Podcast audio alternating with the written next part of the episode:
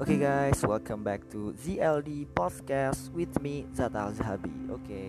hmm, hari ini gue punya satu kisah buat kalian ya. Nah, kisahnya inspiratif banget. Gue udah baca kisah ini ya, dan kisah ini gue dapet dari website rumahdongeng.com. Oke, okay, terima kasih untuk rumahdongeng.com. Ini kisahnya keren banget guys ya. Ini kisahnya berjudul Petani dan Anak Harimau ya. Jadi pada zaman dahulu ya ini kisah-kisah yang mungkin sering kalian dengar ketika kalian masih kecil dulu ya. Ketika mau tidur dibacain dongeng sebelum tidur ya, mungkin ini salah satunya ya. Dan kisah ini mengandung pesan moral yang luar biasa ya. Ya, kisah petani dan anak harimau ya. Jadi dikisahkan pada zaman dahulu ya, Wih, dongeng banget nih bahasanya. Pada zaman dahulu di sebuah desa ya yang masih jauh dari peradaban modern jadi desanya masih dibilang bisa dibilang pelosok gitu ya desa desa daerah pelosok. Dan desa ini masih dikelilingi sama hutan belantara gitu ya. Jadi masih dikelilingi hutan-hutan lah. Dan desa tersebut sangat subur ya. Jadi sawahnya itu terhampar sangat luas dan hasil panennya juga melimpah gitu. Nah, tetapi desa itu karena daerahnya masih di pelosok, jadi desa itu desa tersebut masih dikelilingi sama hutan-hutan ya. Dikelilingi hutan-hutan yang sangat lebat lah, pokoknya hutan hutan belantara lah ya, hutan liar gitu. Dan banyak banget hewan buas yang berkeliaran di hutan tersebut. Nah, uh, sawah-sawahnya ya kan sawahnya luas nih desa ini ya sawah-sawah milik penduduk desa juga kayak berbatasan langsung dengan hutan gitu. Jadi desanya itu di tengah-tengah terus dikelilingi sawah dan dan sawah itu dikelilingi hutan gitu ya. Ibaratnya kalau dipetain tuh kayak gitu. Jadi berbatasan langsung dengan hutan. Jadi uh, para petani di desa tersebut ya ketika menggarap sawah gitu ketika menggarap sawah mereka itu harus hati-hati banget ya karena resikonya adalah diserang hewan buas gitu. Karena hutannya masih hutan liar banget jadi banyak banget hewan buas di situ. Dan di desa tersebut hmm, kayak apa ya kayak kejadian atau peristiwa tewasnya petani karena diterkam hewan buas itu kayak udah jadi hal lumrah gitu udah jadi hal yang biasa. Karena sering banget ya sering banget petani mati diterkam atau dimangsa oleh hewan buas karena desanya masih sangat dekat dengan hutan belantara gitu. Nah di antara banyaknya hewan buas yang ada di hutan ya dari sekian banyak hewan buas yang ada di hutan yang paling ditakuti sama penduduk desa itu adalah harimau ya karena harimau ini paling sering memakan korban jiwa gitu ya. Dan paling sering menyerang petani ketika menggarap sawah. Nah di desa tersebut tinggallah seorang kakek ya yang sangat baik hati dikenal baik hati dan ramah. Namanya adalah Ki Maulaya. Jadi Maulaya iya namanya di kisahnya Ki Maulaya. Nggak tahu kenapa bukan Maulana atau apa ini? Maulaya. Jadi Ki Maulaya ini hmm, sangat disegani gitu ya sama penduduk desa. Karena beliau itu dikenal dengan sosok sebagai sosok yang sangat bijak gitu ya. Bijak dan setiap ada konflik atau masalah yang terjadi antar penduduk desa beliau selalu bisa menjadi juru damai mendamaikan setiap konflik yang ada di desa gitu. Jadi sangat bijak gitu.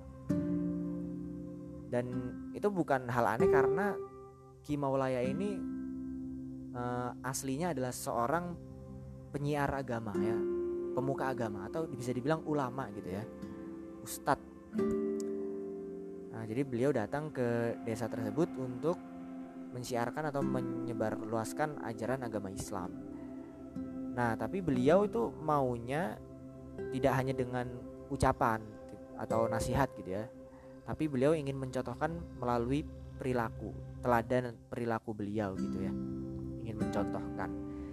Nah pada suatu pagi ini Ki Maulaya ini pergi bertani ya seperti biasanya ya pergi bertani ke sawah terus hmm, seperti biasa beliau tuh selalu ketika pergi ke sawah di pagi hari selalu membawa sebungkus makanan dan cangkul gitu ya sebagai bekal ya untuk makan siang dan untuk menggarap sawah.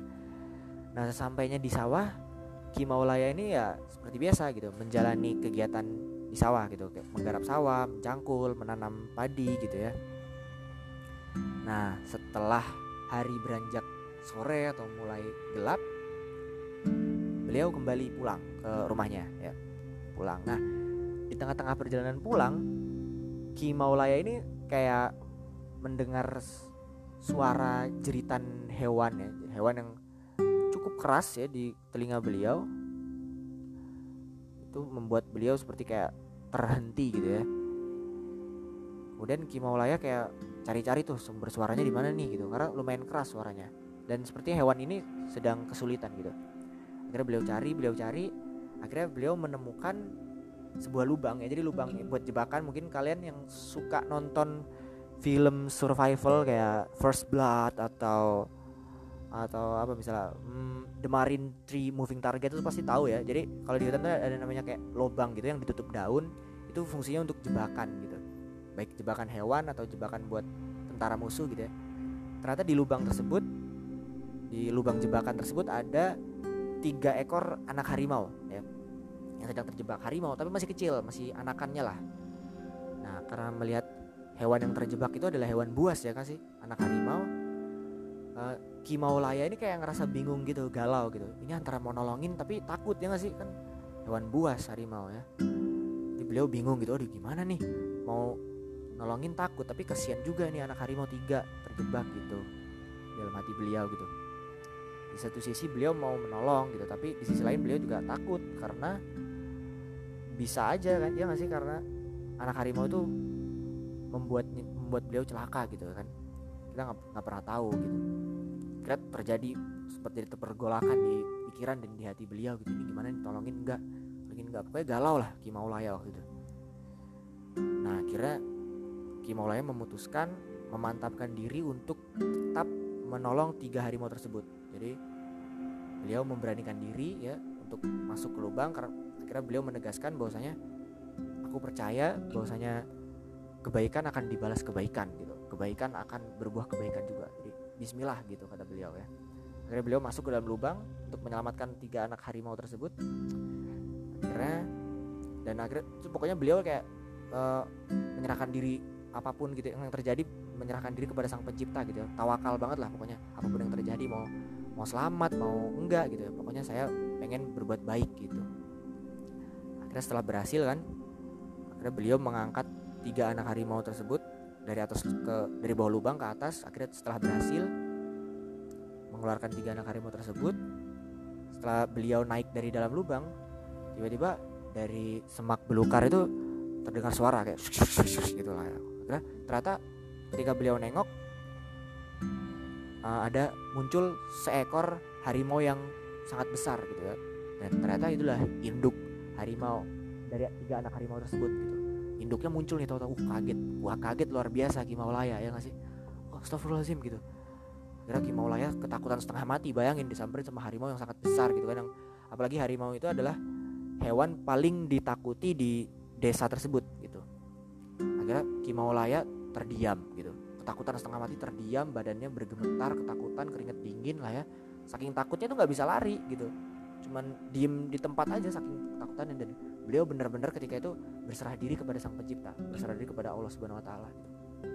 Akhirnya beliau pun mencoba menenangkan diri gitu dan menekan rasa takut kayak kemudian beliau kan karena harimau itu ber, berada tepat di depan beliau gitu ya kayak benar-benar natap menatap mata beliau. Akhirnya beliau bilang ke, harim, ke harimau yang besar itu kayak aku aku nggak niat nyakitin anak-anak kamu gitu. Saya nggak niat nyakitin anak-anak kamu. Saya cuman berusaha menolong mereka gitu. Katanya sam sambil gemeteran tuh ya badannya ngomong kayak gitu.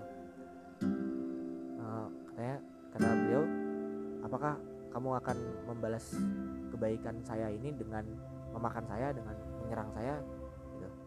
Kalau itu mau kamu kata dia e, saya ikhlas gitu jadi santapan kamu kata dia kata beliau. Tapi dengan satu perjanjian gitu jangan pernah ganggu anak cucu dan semua keturunan saya gitu sebagai balasan balasanku karena telah menyelamatkan keturunan keturunan kamu hari ini gitu. Intinya kalau mau makan saya silahkan makan tapi jangan pernah ganggu anak-anak saya cucu-cucu saya gitu. Kalau mau makan saya silakan gitu. Pokoknya beliau ikhlas. Nah tapi uniknya si harimau itu kayak cuman ngeliatin ngeliatin doang gitu. Dari deket kayak ngeliatin gitu. Kayak ngendus terus ngeliatin sambil muterin gitu. Kayak kayak nggak mau nyerang gitu ya nggak ada tanda-tanda harimau itu akan menerkam atau memangsa Kimaulaya nggak. Cuman diliatin diindus-indus nah akhirnya harimau yang besar tersebut akhirnya pergi sambil membawa ketiga anaknya. Nah setelah kejadian yang cukup mengerikan itu ya Kimaulaya kan langsung pulang ke rumahnya gitu. Langsung pulang rumahnya dan konon setelah kejadian itu Kimaulaya sama harimau besar tadi jadi sahabatan gitu jadi sohib lah ya best friend. Jadi harimaunya tadi tuh sering nungguin Kimaulaya ketika sedang menggarap sawah. Jadi ditungguin gitu. Jadi kayak jadi bodyguardnya gitu loh bayangin. Bodyguardnya harimau cuy ya gak sih? Keren banget cuy. Kayak apa? Wah mantep lah. Akhirnya dan terus setiap hmm, sore hari eh, malam dan sore hari tuh suka ada rusa ya seekor rusa yang kakinya tuh terluka. Tapi nggak mati cuman kakinya yang kakinya tuh kayak ada bekas luka gigitan ya. Supaya nggak bisa lari dan akhirnya itu untuk dikasih makan lah istilahnya sama harimau itu. Ini makanan buat kamu gitu seekor rusa gitu buat bisa kan bisa dibakar bisa digoreng segala macam kan.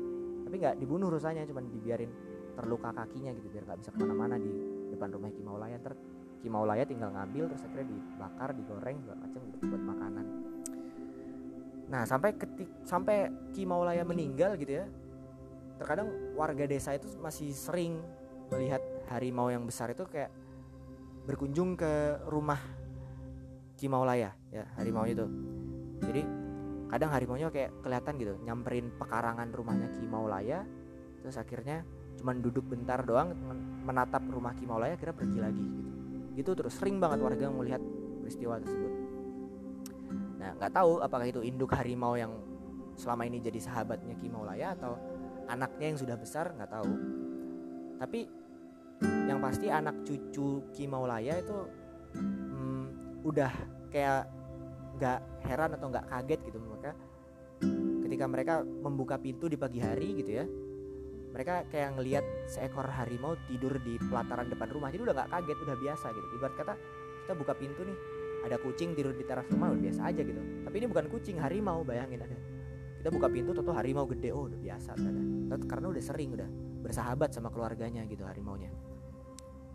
Terus sebagai perjanjian juga ya eh, induk harimau sama kimaulaya bahwasanya anak cucu dan keturunan Kimaulaya nggak akan pernah disakitin gitu karena udah janji itu kan permintaan Kimaulaya gitu kan. Jangan pernah sakiti uh, anak keturunanku gitu. Dan apa yang beliau yakini ya apa yang diyakini sama Kimaulaya itu terbukti gitu. Kebaikan pasti akan dibalas kebaikan. Kebaikan akan berbuah kebaikan. Nah jadi hmm, pesan moralnya adalah hmm, jangan intinya kayak yang disampaikan kisah ini tuh kayak jangan ragu untuk berbuat baik gitu bahkan kepada seseorang yang sekiranya itu mm, berbahaya gitu atau ngeselin lah ya. Jangan pernah ber, jangan pernah ragu berbuat baik. Seperti tadi Kimaulaya ya nggak sih? Awalnya Kimaulaya takut gitu. Wah ini harimau gitu ya kan hewan buas takut dia mau nolong. Tapi ya nggak apa-apa berbuat baik aja. Jadi intinya berbuat baik itu nggak mandang ke siapa gitu. Apa pun resikonya mau nanti kebaikan kita dihargain ataupun nggak dihargain gitu ya ya belajar ikhlas gitu karena ketika kebaikan kita tidak dihargai di saat itu kita belajar keikhlasan. Ya. Dan intinya sih kalau bahasa kita sih ya kalau mau jadi orang baik itu nggak usah ribet gitu ya. Udah berbuat baik berbuat baik aja ke siapa pun. Nggak usah mikirin nanti orang ngomong apa nanti hasilnya yang kita dapat apa. Udah berbuat baik berbuat baik aja. Yakin aja tadi seperti kata Kimaulaya tadi kan kebaikan pasti akan dibalas kebaikan. Pasti yang kalau misalnya bukan manusia yang membalas ya Tuhan pasti membalas kok. Nggak usah ragu jadi nggak usah dan nggak usah baper ketika orang yang kita baikin itu nggak membalas kebaikan kita nggak usah baper. Misalnya kita gini nih contohnya misalnya ada teman kita butuh duit misalnya dia nggak lagi lupa bawa dompet gitu misalnya. Terus kita mau nawarin bantuan ini gue ada duit nih buat beli minum gitu nawarin bantuan. Lu mau nggak? gitu. Terus teman kita nolak gitu. Oh nggak usah ini gue nggak apa-apa gue nggak mau nyusahin lu gitu. Terus kita ya udah kita nggak usah baper nggak usah nggak usah kayak eh gue cerita ke teman-teman kita yang lain gitu. Eh gue kesal banget sama si ini nih. Emang kenapa?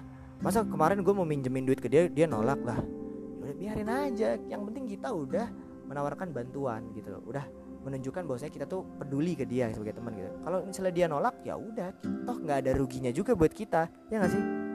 Gitu. Ini nggak usah ragu. Buat berbuat baik itu nggak usah ragu.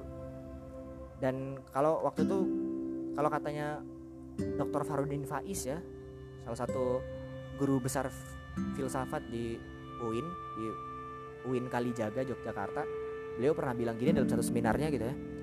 Kuncinya untuk menjadi orang baik adalah jangan terlalu banyak berdebat tentang definisi orang baik. Udah gak usah kebanyakan debat. Orang usah kakean cangkem gitu kata dia. Wis jadi wong baik jadi wong baik aja gitu. Jadi orang baik jadi orang baik aja. Gak usah kebanyakan debat. Orang baik itu harus kayak gini harus kayak gini gak usah karena definisi setiap individu beda-beda dan kemampuannya juga beda-beda. Udah intinya berbuat baik semampu kita gitu apa pun gitu. Ya mulai dari hal-hal kecil ya kayak uh, masukin uang ke kotak amal. Kalau nggak bisa dengan jumlah yang besar ya nggak apa-apa. Dua ribu seribu nggak apa-apa gitu. Semampu kita aja. Itu tadi pesan moralnya. Jangan ragu berbuat baik dan ketika kebaikan kita nggak dihargain ya nggak usah baper. Jadi orang yang nggak usah jangan terlalu baperan gitu ya ikhlas aja dan jadi orang baik semampunya gitu. Itu ya guys jadi luar biasa nih kisahnya ya. Jadi sebaiknya kalau jadi sebenarnya kalau kita ngomongin ya orang baik itu simpel sebenarnya hidupnya simpel. Hidupnya tuh nggak muluk-muluk dia nggak nggak gampang stres justru hidupnya orang baik itu terserah orang lain mau nganggep dia apa ya yang penting dia berbuat baik gitu. pernah ada kejadian nih kalau dari pengalaman pribadi gue uh, teman gue sih lebih tepatnya ya teman gue jadi waktu itu lagi istirahat jam istirahat sekolah ya zaman zaman dulu waktu SMA jadi jam istirahat sekolah dan dia tuh kan anaknya emang baik jadi suka ngasih-ngasih gitu ke teman-temannya. Dia kayak beliin uh, snack lah snack sama minuman buat teman-teman semuanya di kelas sama yang buat ke cewek-cewek juga. Beliin baik banget. Terus ketika dia ngasih ke cewek-cewek yang ada salah satu teman perempuan gue itu yang bukannya malah terima kasih malah minta yang lain gitu. Eh lu tuh harusnya beli ini bukan ini. Nah di situ ketika gue mendengar itu teman gue sih uh, cuek aja gitu orangnya ya. Dia orangnya cuek banget. Tapi gue sebagai temannya nggak terima gitu. Dan gue masih tahu ke teman gue yang perempuan itu dengan nada yang agak kesel gitu. Eh lu udah dikasih bukannya terima kasih udah dibaikin lu malah minta lebih terus akhirnya dia diem gitu. Terus teman gue itu bilang yang teman gue yang baik itu bilang ya udah aja nggak apa-apa biarin aja tuh luar biasa kan? Gitu. Jadi orang baik itu nggak usah mikir aneh-aneh gitu. Ntar ntar orang ngomong apa ya? Ntar balasan buat gue apa ya? Nggak usah ini ya berbuat baik berbuat baik aja. Pasti dibales yakin aja. Pasti dibales. Kalau nggak dibales sama orang lain ya dibalasnya sama Tuhan sama Allah. Udah itu aja intinya. Oke okay, guys ya. Jadi itu dia kisah petani dan anak harimau ya. Jadi intinya jadi orang baik nggak usah ribet ya. Jadi orang baik orang baik aja. Nggak usah ribet nggak usah kebanyak orang usah kakean cangkem orang yang usah kakean mikir wis jadi orang baik jadi orang baik aja ya. Itu guys ya. Oke mungkin sampai di sini dulu ya. Siaran gue kali ini. Thank you banget kalian yang sudah mendengarkan podcast gue ini dari awal sampai akhir. Semoga ini bisa jadi bahan introspeksi buat diri gue ya terutama dan umumnya buat kalian semua yang mendengarkan ini ya. Oke okay guys, sampai ketemu lagi di episode-episode berikutnya. Thank you semuanya. Bye.